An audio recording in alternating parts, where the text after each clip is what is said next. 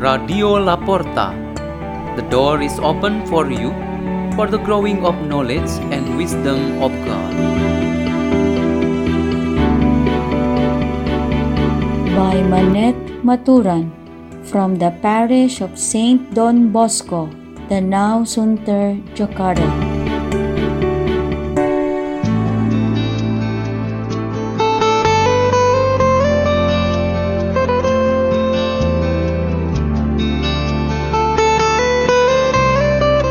Reading and meditation on the Word of God, Wednesday of the 34th week in Ordinary Time.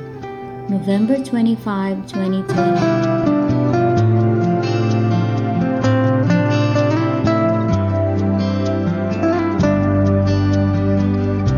The reading is taken from the Holy Gospel according to Luke. Jesus said to the crowd, They will seize and persecute you.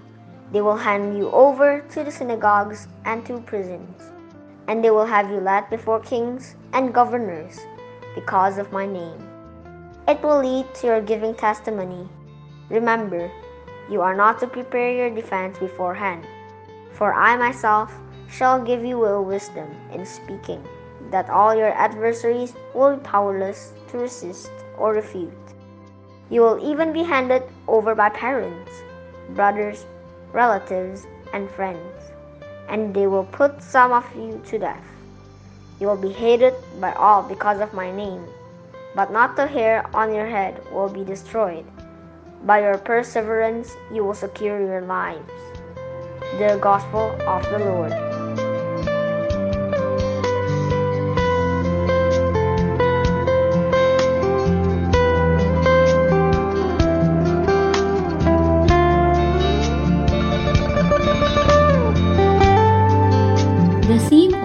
Meditation today is Everything Counted by Him.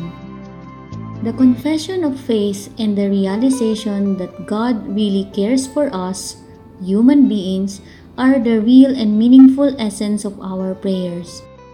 In the scriptures, we can find the expression of a prayer that goes like, Who is the man, O God, that you care for him?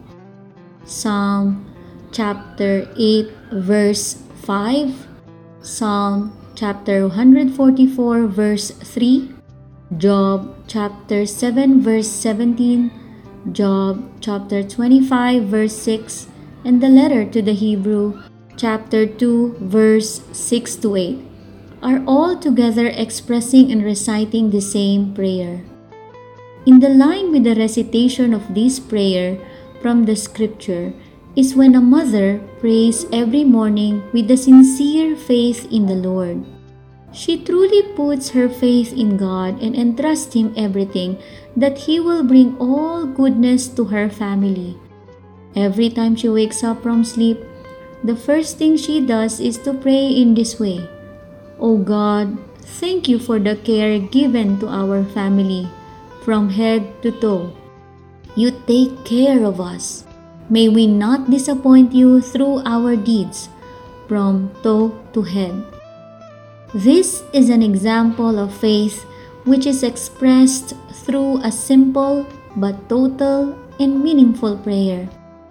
That prayer simply reflects what is said of the above theme everything counted by Him.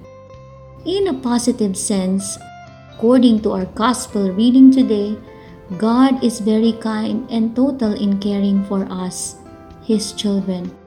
Everyone is cared for, totally loved, until the last moment of his or her life, even if a single hair is also counted by Him. All forms of threats, hatred, and persecution will come along to challenge God's children simply because they belong to Jesus Christ. However, God assures them that each person is very special to Him. One little hair will not be lost. In a negative sense, it has a lot to do with our preparation for the end of time that comes to pick us up.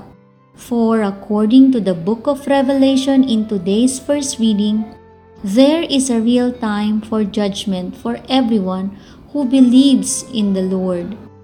In preparation for the judgment, the self-testimony of human person must not be half made or just a small part like a little hair or a speck on the end of the stick.